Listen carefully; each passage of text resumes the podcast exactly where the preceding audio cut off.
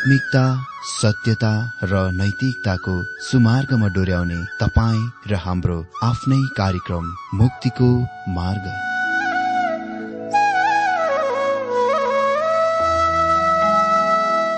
आदरणीय श्रोता यस मुक्तिको मार्ग कार्यक्रममा हार्दिक स्वागत छ। आशा छ यस आत्मिक कार्यक्रमद्वारा जीवनमा आत्मिक आशिष अलौकिक शान्ति र आनन्द प्राप्त गर्नुहुनेछ। र जीवनमा धन्य अनुभव गर्नुहुनेछ। आउनुहोस् श्रोता मन र आत्माको तयारीको लागि यो मिठो अनि मधुर भजन गीत सुनौ।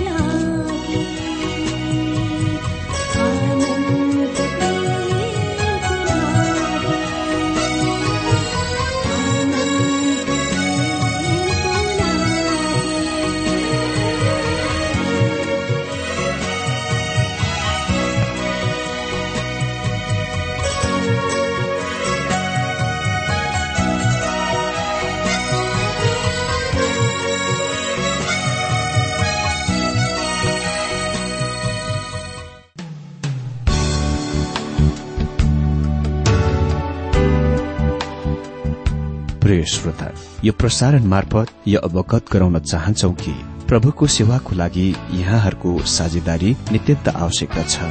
यहाँहरूले प्रार्थनाको साथसाथै आर्थिक सहायता गर्न अनुरोध गर्दछौ। तपाईँहरूको सानो भन्दा सानो भेटी किन नहोस्? हामी प्रभुको नाममा स्वीकार गर्नेछौ प्रभुको सेवाको लागि। तपाईँहरूको यो सानो लगानीले कसैको जीवनमा भिन्नता ल्याउँछ अनि प्रभुको महिमा हुन्छ। प्रभु तपाईँहरूलाई महान गरी आशिष दिनुहुनेछ। इच्छुक श्रोताहरूले तपाईँको इच्छा भेटी हाम्रो ठेगानामा पठाउन सक्नुहुन्छ जुन ठेगाना हामी कार्यक्रमको अन्तमा दिनेछौं। प्रिय श्रोता मित्र येशु प्रभुको नाममा जय मसी अनि नमस्ते। आज हामी बाइबल अध्ययन जकरिया दश अध्यायबाट आरम्भ गर्न गइरहेका छौं। हजुर हामीले जकरिया नौ अध्यायमा दुवै इसरायलको उत्तरी राज्य र दक्षिणी राज्य हाबी छुटकाराको बारेमा देखेका छौं र जब तिनीहरू उहाँलाई सेवा गर्नेछन् कसरी परमेश्वरले तिनीहरूलाई भविष्यमा प्रयोग गर्न गइरहनु भएको छ त्यो हामीले देखेका थियौं। वास्तवमा तिनीहरू विश्वका अन्य जाति राष्ट्रहरूको निम्ति पुजारीहरूको रूपमा सेवा गर्न गइरहेका छन्।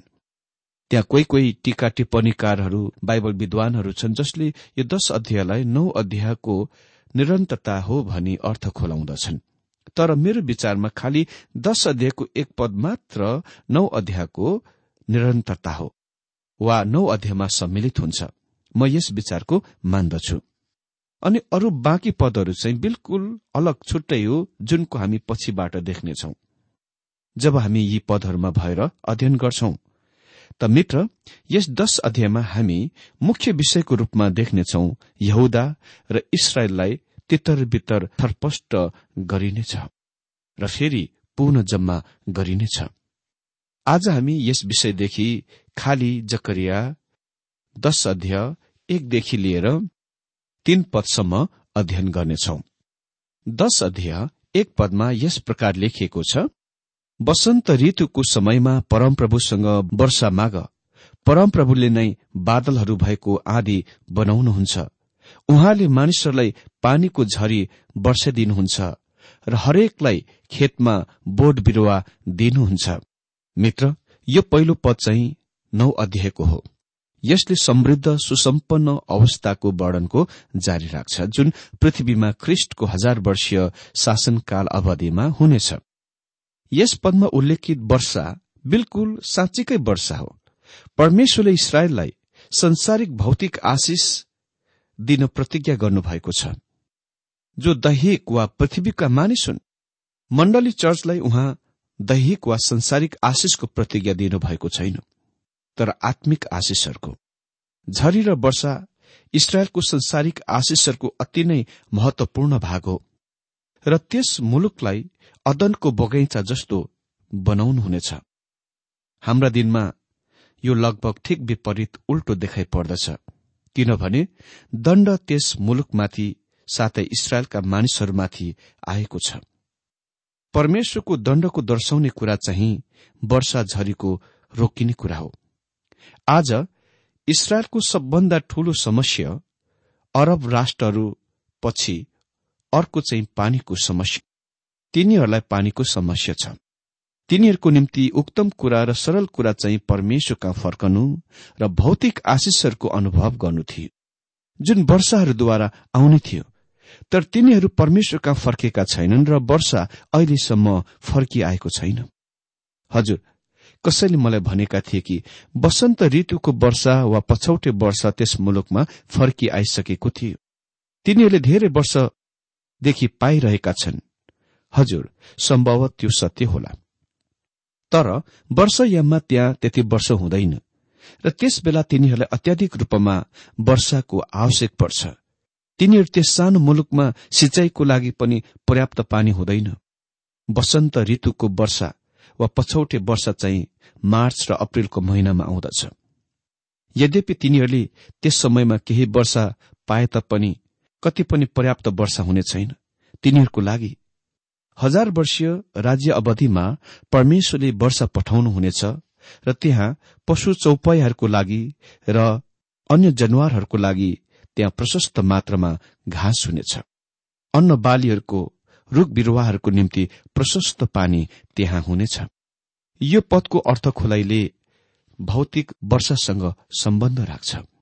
तर उही समयमा वर्ष आत्मिक स्फूर्ति दिने कुराको प्रतीक पनि हो। अनि त्यसलाई शास्त्रको अन्य अनुच्छेदहरूमा त्यस तरिकामा प्रयोग गरिएको छ। उदाहरणको निम्ति युवल दुई अध्यायको अठाइस पदसँग त्यो संकेत अर्थ छ। मित्र त्यो भौतिक वर्षको भूमिको लागि जुन काम त्यसले गर्छ आत्मिक वर्ष अर्थात पवित्र आत्माको खनेले यी मानिसहरूको आत्मिक जीवनहरूको लागि काम गर्दछ। दुवै युवलमा भविष्यवाणी र यहाँ जकरियामा भविष्यवाणीसँग भविष्यको हजार वर्ष प्रभुको राज्यको निम्ति संकेत छ। त्यस दिनमा परमेश्वरले आत्माको खन्याई हुनेछ। त्यसकारण वर्ष झरीसँग दुई तहका प्रकारका अर्थ छ। हजुर हामी निम्न पदहरूमा यस विषयबाट बाइबल अध्ययन गर्नेछौ। इसरायलको छलको लागि दण्ड। अहिले दश अध्ययको दुई पददेखि यता चाहिँ हामी दण्डको विपरीत वा वापस अहिले दश अध्याय दुई पददेखि यता चाहिँ हामी दण्डको विषयतिर वापस फर्किन्छौं। यद्यपि परमेश्वरले तिनीहरूलाई अन्तिम दिनहरूको लागि मजबुत वा बलियो पार्न इरादा गर्नुभए तापनि हजार वर्ष राज्यतिर ल्याउन इरादा गर्नुभए तापनि त्यहाँ केही त्यस्ता कुराहरू छन् जुन तिनीहरूका चमा मौलिक रूपमा गडबड छ। उहाँले तुरुन्तै इसरायलमा कुन कुरा चाहिँ गडबड थियो त्यसमा औंला ठहराइदिनुहुन्छ। त्यस राष्ट्रमा समस्या र कष्ट ल्याइरहने कुरा वास्तवमा प्रतिमा पूजा थियो। दुई पदमा लेखिएको छ मूर्तिहरू छलका कुरा बोल्छन् र मन्त्र तन्त्र गर्नेहरूले झुट्टा दर्शनहरू देख्छन् र झुट्टा सपनाहरू बताउँछन्। तिनीहरू व्यर्थमा सान्त्वना दिन्छन्। यसै कारण गोठालाको कमीले गर्दा अत्याचारमा परेका भेडा झै मानिसहरू बरालिन्छन्। मूर्तिहरू हल्का कुराहरू बोल्छन्। यहाँ उल्लेखित शब्द मूर्तिहरू चाहिँ वास्तवमा तेराफिम हो।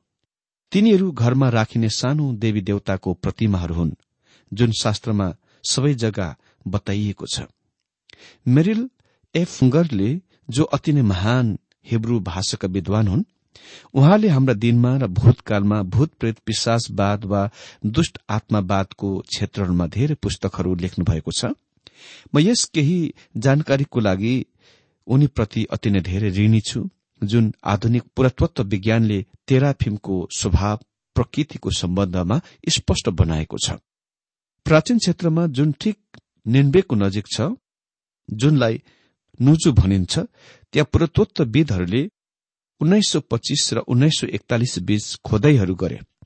तिनीहरूले पार्टीहरू भेटाए जुनमा अति नै धेरै वर्ष पछाडिका कुलपतिहरूको समय जतिका पछाडिका समयका रीतिहरू संस्कृतिहरूका वर्णन पाइयो। तपाईँलाई यादै होला याकुबले आफ्नो मामा लाभनसँग केही समय वा कठिनाई पाएथे र उसले उसको घर आफ्ना दुई स्वास्नीहरू लिहा र राहेलसँग छोडे। उनी त्यस स्थानलाई छोड्न खुसी थिए। र राहेलले लाभनको घरबाट तेराफिम लिएर आए र तिनीहरूलाई छिपाए। अहिले नुजु प्रमाणसँग हामी जान्दछौ कि ती घराइसी देवताहरूको अधिकार वा पाउने कुराले परिवारमा लिडरसिप वा प्रमुख अगुवात्व वा अगुवा पदको सूचित गर्दथ्यो अभिभावकको सूचित गर्दथ्यो। जब तिनले ती देवताका प्रतिमा चोरिन् तिनले आफ्नो पति याकुबको लागि आफ्नो पिता लाभनका सम्पूर्ण धन सम्पत्ति हात पारिदिन कोसिस गरिरहेकी थिइन्। अनि चोरी अति नै गम्भीर मामला थियो। यसले यो कुराको वर्णन गर्दछ कि लाभन किन यस कुराको लागि यति धेरै गम्भीरतापूर्वक चासो देखाए। त्यसको वापस पाउन। उनी निश्चय नै याकुबले आफ्ना सारा जग्गा जमिन र धन सम्पत्ति पाएका हात पारेको चाहँदैन उसले विचार गरे कि याकुब पहिले नै उससँग भन्दा धेरै छुटकारा र हरेक कुरा उसँग थियो। हजुर मन्त्र तन्त्र गर्नेहरूद्वारा प्रयोग गरिएको छलको दोस्रो माध्यम जुन पदले भन्छ मन्त्र तन्त्र गर्नेहरूले झुट्टा दर्शनहरू देख्छन्। यो चाहिँ बाइबलीय भविष्यवाणीको प्रतिमा पूजक अन्य जाति नक्कल हो। सैतानले सधैँ त्यस कुराको नक्कल गरेको छ जुन बाइबलीय सम्बन्धी हो। त्यो कहिले पनि बाइबलका कुरा वा तरिका माध्यमबाट त्यति टाढा जाँदैन। अनि प्रत्येक कल्टहरू झुट्टा शिक्षाहरू साथै शैतान आर्धकहरूले बाइबलको प्रयोग गर्छन्।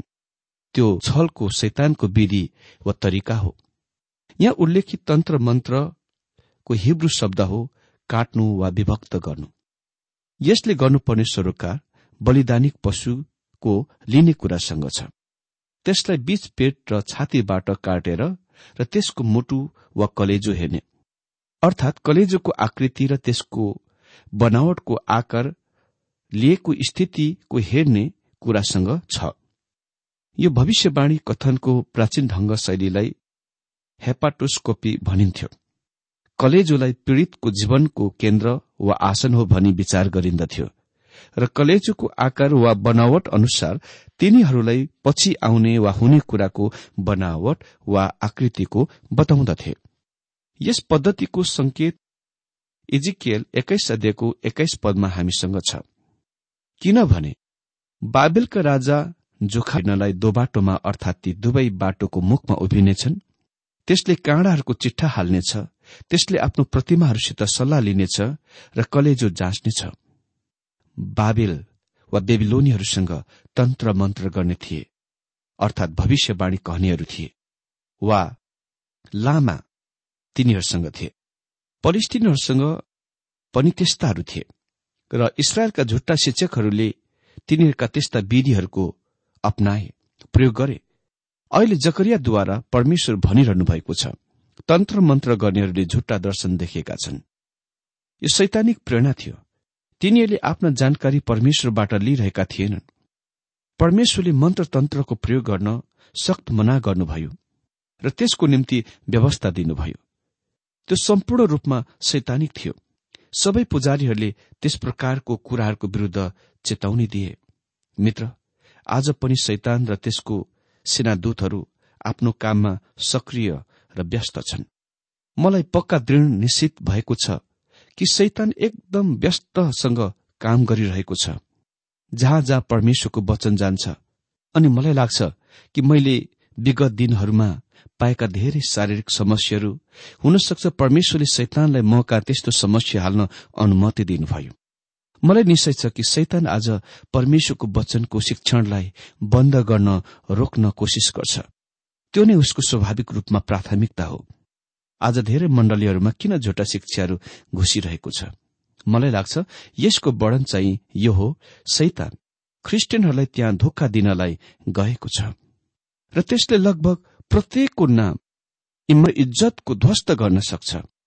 त्यही नै कारण यस घडीमा हामीलाई परमेश्वरको सुरक्षाको आवश्यक छ। जस्तो कि अघि वा पहिले त्यति धेरै त्यस्तो सुरक्षा आवश्यक थिएन।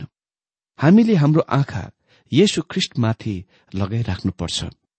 यदि हामी उहाँका अति नै नजिक रहन्छौ भने हामी शैतान र त्यसका दूत दुष्ट आत्माहरूबाट अति नै धेरै टाढामा हुनेछौ। मित्र हामीले दुष्ट आत्माहरूलाई धपाउने काममा आफ्नो ध्यानहरू केन्द्रित गर्नको सट्टामा ख्रिस्टमा आफैलाई ठ्याकिन्न कुरामा गम्भीरपूर्वक सोच्न आवश्यक छ। त्यो महत्वपूर्ण कुरा हो। तपाईँलाई यादै होला। प्रभु येशुले त्यस व्यक्तिको बारेमा दृष्टान्त बनाउनु भएको थियो जससँग एक दुष्ट आत्मा थियो। दुष्ट आत्मा त्यस मानिसबाट बाहिर निस्कि गयो र उसको हृदय एकदम रित्तो र खाली भयो। यद्यपि उनी दुष्ट आत्माबाट भए तापनि उससँग त्यस रित्तो स्थानलाई भर्न केही कुरा थिएन। त्यो बाहिर निस्कि गएको दुष्ट आत्मा बाहिर यता उता हिँड्दा हिँड्दा दिक्क भयो र थाक्यो। त्यो फेरि फर्केर वापस त्यस मानिस कहाँ गयो किनभने उनी अति नै सजिलो आसान निशाना थिए। अनि त्यस दुष्ट आत्माले आफूसँग दुष्ट आत्मा साथीहरू मित्रहरू लिएर आए जुनले गर्दा त्यो मानिसको त्यो आखिरी दशा अवस्था पहिलोको भन्दा अति नै धेरै खराब बन्यो।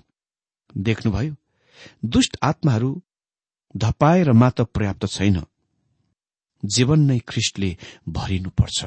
देख्नुभयो जब इसरायलले परमेश्वरको सन्देश वाहकहरूको र उहाँको वचनको इन्कार गरे तिनीहरू परमेश्वरप्रति आफ्नो आज्ञाकारितामा विफल भए। परिणामस्वरूप तिनीहरू सबै प्रकारका सैद्धान्तिक छलहरूतिर फर्के। परशुले तिनीहरूलाई जकरियाद्वारा भन्नुहुन्छ दुई पदमा मूर्तिहरू छलका कुरा बोल्दछन् र मन्त्रतन्त्र गर्नेहरूले झुट्टा दर्शनहरू देख्छन् र झुट्टा सपनाहरू बताउँछन्। तिनीहरू व्यर्थमा सान्त्वना दिन्छन्। यसै कारण गोठालाको कमीले गर्दा अत्याचारमा परेका भेडा झै मानिसहरू बरालिन्छन्। इसरायलसँग कति पनि तिनीहरूलाई अगुवाई गर्ने सत्य गोठाला थिएन। तपाईँ र म त्यस्तो दिनमा रहिरहेका छौं र दुष्ट आत्मा सैद्धानिक शक्तिहरूका प्रकटताहरू प्रदर्शनहरू देखिँदैछ। धेरै मानिसहरू कुनै व्यक्ति विशेषहरू संघ संस्थाहरूलाई तिनीहरूले प्राप्त गरिरहेको पाइरहेको दृश्यमान प्रष्ट सफलताहरूद्वारा निर्णय र फैसला गरिरहेका छन्। तिनीहरूको मनमा यो कुरा कहिले पनि आउँदैन कि हामीले हरेक आत्माहरूलाई जाँच गर्नुपर्छ। प्रेत युहनाले चेतावनी दिए पहिलो युहना चार दिएको एक पदमा प्रिय हो जुनसुकै आत्मालाई विश्वास नगर तर आत्माहरूलाई विश्वास नगर तर आत्माहरू परमेश्वरबाट आएका हुन् कि होइनन् भनेर तिनको जाँच गर। किनभने धेरै अगमवक्ताहरू यस संसारमा निस्किआएका छन्। मित्र यस वर्तमान घड़ीको खास आवश्यक कुरा धेरै अधिक युवाहरूको लागि कार्यक्रमहरू वा हाम्रा मण्डलीहरूमा धेरै नयाँ विधिहरू होइन। हामीलाई आज सबभन्दा धेरै आवश्यक पर्ने कुरा चाहिँ सत्य गोठालाहरू हुन् जसले परमेश्वरको वचन भेडाहरूलाई खुवाउनेछ। अन्तिम पद मेरो रिस गोठालाहरूमाथि पर्छ। म अगुवाहरूलाई दण्ड दिनेछु किनकि सर्वशक्तिमान परमप्रभुले आफ्नो बगाल यहुदाको घरनालाई हेरचाह गर्नुहुनेछ र तिनीहरूलाई लडाईँको अहंकारी घोडा बनाउनुहुनेछ। मेरो रिस गोठालाहरूमाथि पर्छ। म अगुवाहरूलाई दण्ड दिनेछु। यी गोठालाहरू इसरायलमा झुट्टा भविष्य वक्ताहरू थिए जो तन्त्र मन्त्रमा फर्केथे र त्यस अलौकिक अभ्याससित फर्केका थिए। जो सैद्धानिक अभ्यासहरू थिए। अनि परमेश्वर भन्नुहुन्छ म अगुवाहरूलाई दण्ड दिनेछु। किनकि तिनीहरू राष्ट्र र प्रजाहरूका प्रतिनिधिहरू थिए। तिनीहरूसँग उनीहरूको निम्ति उत्तरदायित्व थियो। सही दिशामा डोर्याउने तर तिनीहरूले उनीहरूलाई गलत झुट्टा दिशामा डोर्याए।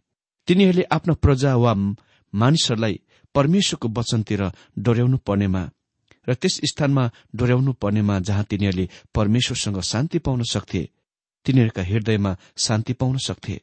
तर त्यसको सट्टामा र ठिक विपरीत तिनीहरू झुट्टा भविष्य वक्ताहरू थिए र तिनीहरूले झुट्टा सान्त्वना दिइरहेका थिए र वास्तवमा तिनीहरूलाई परमेश्वरबाट टाढा अगुवाई गरी डोर्याइ लगिरहेका थिए। परमेश्वरले भन्नुभयो कि उहाँ तिनीहरूसँग साउनुभयो भनिएको छ किनकि सर्वशक्तिमान परमप्रभुले आफ्नो बगाल यहुदाको घरनालाई हेरचाह गर्नुहुनेछ र तिनीहरूलाई लडाईँको अहंकारी घोडा झै बनाउनुहुनेछ। देख्नुभयो परमेश्वरले तिनीहरूलाई फेरि तिनीहरूका शत्रुको विरूद्धमा मजबुत सामर्थ्य बलवन्त बनाउन इरादा गर्नुहुन्छ। उहाँसँग तिनीहरूको निम्ति भविष्यमा महान योजना छ। उहाँले तिनीहरूलाई पूर्ण रूपमा त्याग्नु भएको छैन न छोड्नु नै भएको छ।